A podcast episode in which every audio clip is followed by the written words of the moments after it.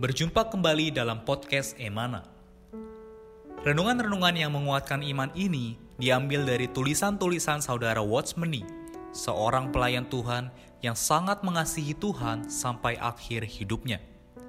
Semasa hidupnya, Tuhan memakai saudara Watchmeni untuk menyingkapkan banyak terang dan wahyu Alkitab. Di antaranya adalah mengenai salib, mengenai Kristus sebagai hayat, juga mengenai kesatuan tubuh Kristus. Kami berharap kehadiran podcast Renungan Emana, khususnya di masa pandemi virus hari ini, dapat menghibur dan menguatkan iman Anda. Podcast Renungan Emana dapat Anda dengarkan melalui aplikasi Emana dan Spotify. Anda dapat menghubungi kami pada nomor hotline Emana di 0851 5677 2397 Sekali lagi Anda dapat menghubungi kami pada nomor hotline Emana di 0851 5677 2397. Buku-buku saudara Watchmeni secara lengkap dapat Anda peroleh di toko buku Yasmerin, Tokopedia, Google Playbook, atau di website resmi yasmerin.com. Selamat menikmati seri renungan hari ini. Salam sejahtera di dalam Kristus Yesus, saudari yang terkasih di dalam Tuhan. Kembali dalam podcast Renungan Emana bersama dengan saya Moses dan saudara Hansen. Hari ini kami kembali hadir untuk bersama-sama menikmati firman yang menguatkan kita. Hari ini judulnya adalah kekuatan pemeliharaan Allah. Puji Tuhan. Bagaimana kabarnya saudara Hansen? Amin, puji Tuhan. Ada Allah yang kuat memelihara kita. Ya, Tuhan. Amin. Ada Allah yang kuat Ya. memelihara kita. Ini sebenarnya Amin. judulnya pernah dibahas ya beberapa bulan yang lalu.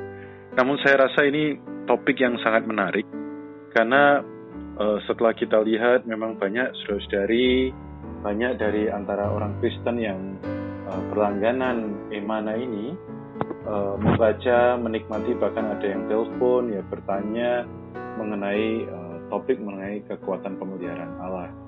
Di hari Tuhan ini.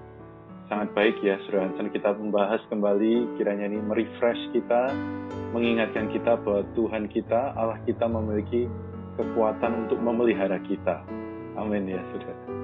Amen, betul. ya, puji Tuhan. Kita masuk ke ayat yang menjadi dasar dari renungan podcast kita hari ini. Diambil dari Yosua pasal 14 ayat 11 dikatakan bahwa pada waktu ini aku masih sama uh, kuat seperti pada waktu aku disuruh Musa. Seperti kekuatanku pada waktu itu, demikianlah kekuatanku sekarang untuk berperang dan untuk keluar masuk. Amin. Bisa sedikit jelaskan latar belakang dari ayat ini? Ya, ayat ini menyinggung mengenai seorang yang bernama Kaleb ya.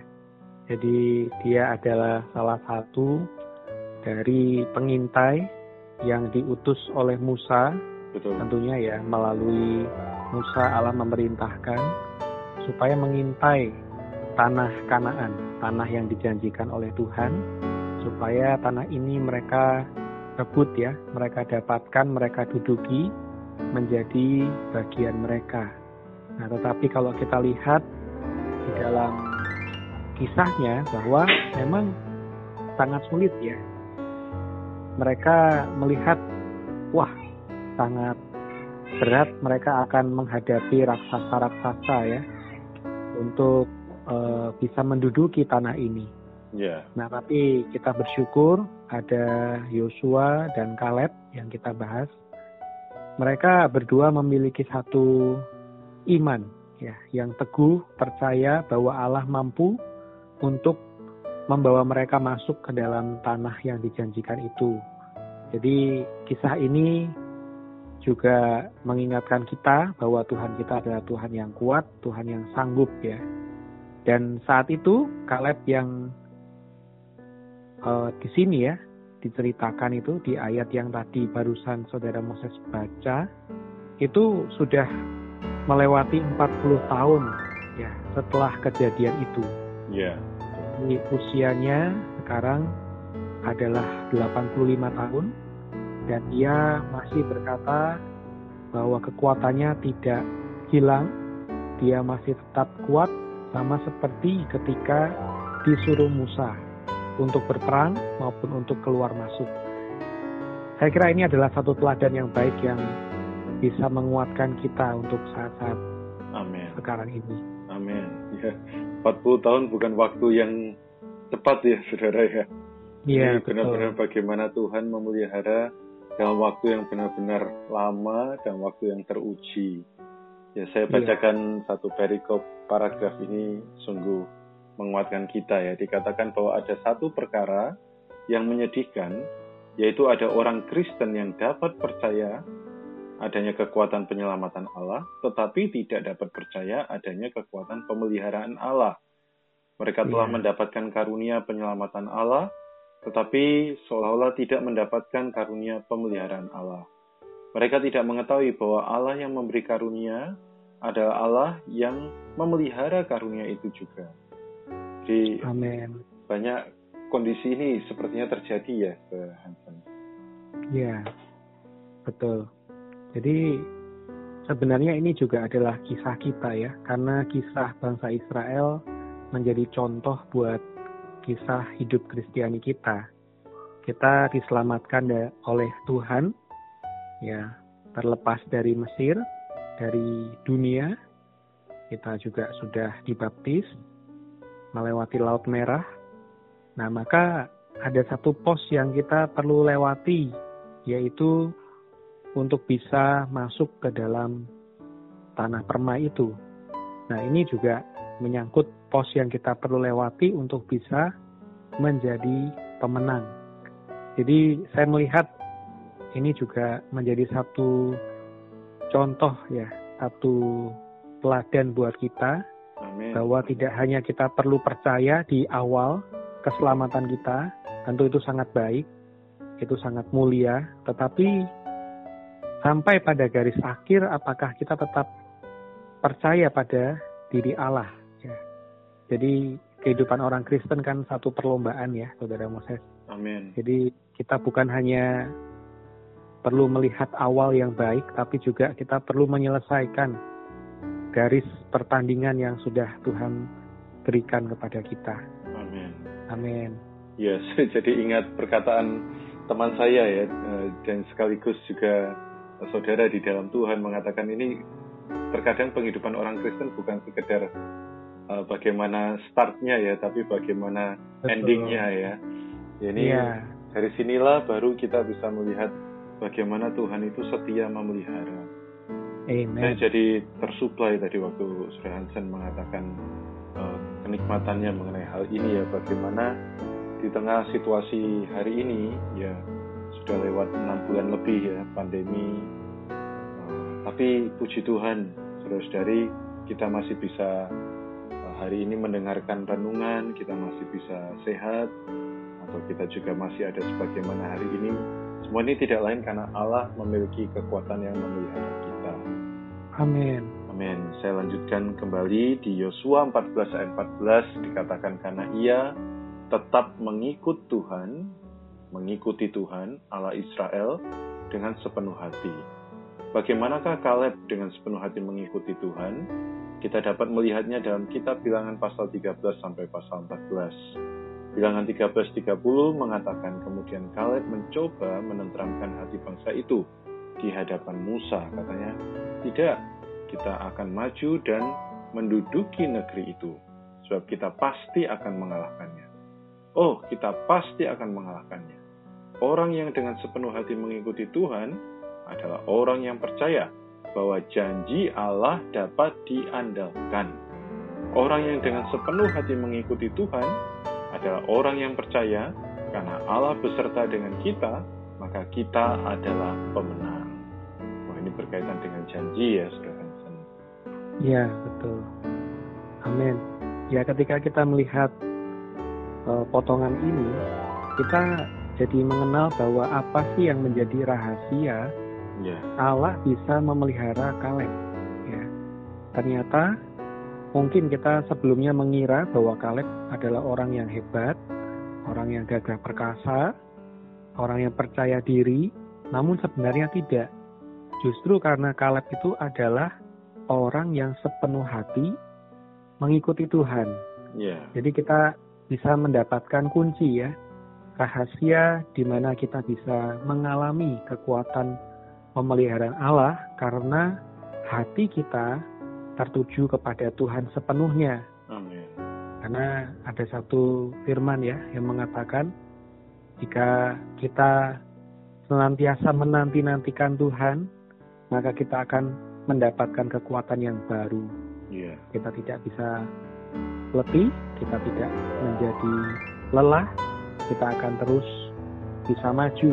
Bahkan kita bisa seperti seekor burung raja wali yang terbang melintasi Amin. atau melampaui segala kesulitan yang kita hadapi. Amin. Saya rasa ini adalah satu poin penting yang kita perlu ambil ya dari pengalaman Kaleb. Amin. Tuh, puji Tuhan. Itu eh, seperti sebuah lagu pujian ya. Saya Ya, ingat ayah saya suka menyanyikan dulu waktu saya masih kecil bahwa yang ya betul. nanti-nantikan Tuhan itu memiliki kekuatan yang baru ya. Ya Amin. berlari tetapi tidak lelah, berjalan tetapi Ya. tidak lesu ya. Ya, Ya bahkan betul. terbang tinggi seperti Raja Wali. Saya rasa ini sangat aplikatif ya hari ini. Ketika kita berpegang pada janji Tuhan, kita menantikan janji Tuhan siang dan malam, sekalipun Ya. sepertinya seolah-olah keadaan tidak sesuai, maka sebenarnya di saat itulah kita ada kekuatan yang baru. Ya, puji Tuhan. Ini satu dorongan kembali bagi setiap pendengar Emana ya di mana pun Anda berada. Eh, saudari ini kita perlu melihat ya bahwa Allah kita ini adalah Allah yang benar-benar setia janji. Itu pun Amin. ada kidung pujiannya ya dikatakan bahwa Yesus Yesus setia janji ku alami sendiri. Jadi Amin. memang Tuhan kita yang setia di dalam janji, setia di dalam pemeliharaan ini adalah untuk kita alami secara pribadi dan personal. Ya, Ya. kita berharap melalui eh, dorongan, ya renungan ini, saudara-saudari punya hubungan yang eh, personal dengan Tuhan. Pandemi ini Amin. justru membuat kita makin berakar, makin dalam, ya seperti pembicaraan kita minggu lalu ya. Kita makin memiliki penghidupan yang tidak dangkal lagi dengan Tuhan. Batu-batu disingkirkan, ya, sekatan-sekatan dihilangkan, sehingga kita dengan Tuhan tidak ada sekatan apa pun ya memiliki hubungan yang benar-benar harmonis. Puji Tuhan. Sebagai Amin. penutup saya bacakan eh, paragraf terakhir bahwa jika setelah Anda memperoleh keselamatan lalu timbul satu keraguan-keraguan yang bertanya dan meragukan entah pengalaman kemenangan ini dapat berlangsung berapa lama, ini menyatakan bahwa Anda tidak percaya kepada kekuatan pemeliharaan Allah. Anda harus percaya Allah dapat memelihara Anda sehingga Anda terlepas dari segala dosa. Amin. Ya. Jadi melalui ayat ini kita juga melihat bahwa satu hati yang percaya sepenuhnya kepada Allah itulah yang menjadi poin penting pada pembahasan kita saat ini. Ya, Jadi sebenarnya dosa yang paling besar bagi Allah itu adalah dosa karena tidak percaya ya. Jadi bukan karena kita melakukan hal yang mungkin ya negatif saja, tetapi karena kita tidak percaya itu membuat Tuhan tidak bisa menggenapkan janjinya kepada kita ya. Jadi hal ini sungguh sangat baik dan ini perlu menjadi satu dorongan buat kita ya, bahwa Tuhan itu berkuasa memelihara apa yang telah dipercayakannya kepada kita hingga pada hari Tuhan. Amin. Dari 2 Timotius pasal 1 ayat 12, Paulus di sini memberikan satu teladan bahwa dia sepenuhnya percaya berserah kepada Tuhan. Walaupun memang dia menghadapi banyak kesulitan, aniaya, tapi dia adalah orang yang tahu bahwa Allahnya adalah Allah yang berkuasa memelihara dia. Amin. Jadi saudari, sebagai satu kata-kata penutup, saya kembali mendorong kita semua supaya kita jangan menjadi orang yang jatuh karena tidak percaya ataupun kita undur daripada Tuhan karena tidak percaya, Ya, tapi marilah kita memandang pada Tuhan sebagai penyempurna iman kita, terus memandang Dia. Kita tahu Dia adalah Tuhan yang setia janji amin. Amin. dia bisa diandalkan. Ya. Amin. Mungkin kita berdoa ya, saudara-saudari. Kita tutup dalam doa. Tuhan, terima kasih. Kami bersyukur kepada Tuhan. Sampai hari ini kami ada bukan karena kami hebat, bukan karena kami kuat, tetapi kami menaruh pengharapan kami kepada Tuhan yang berkuasa.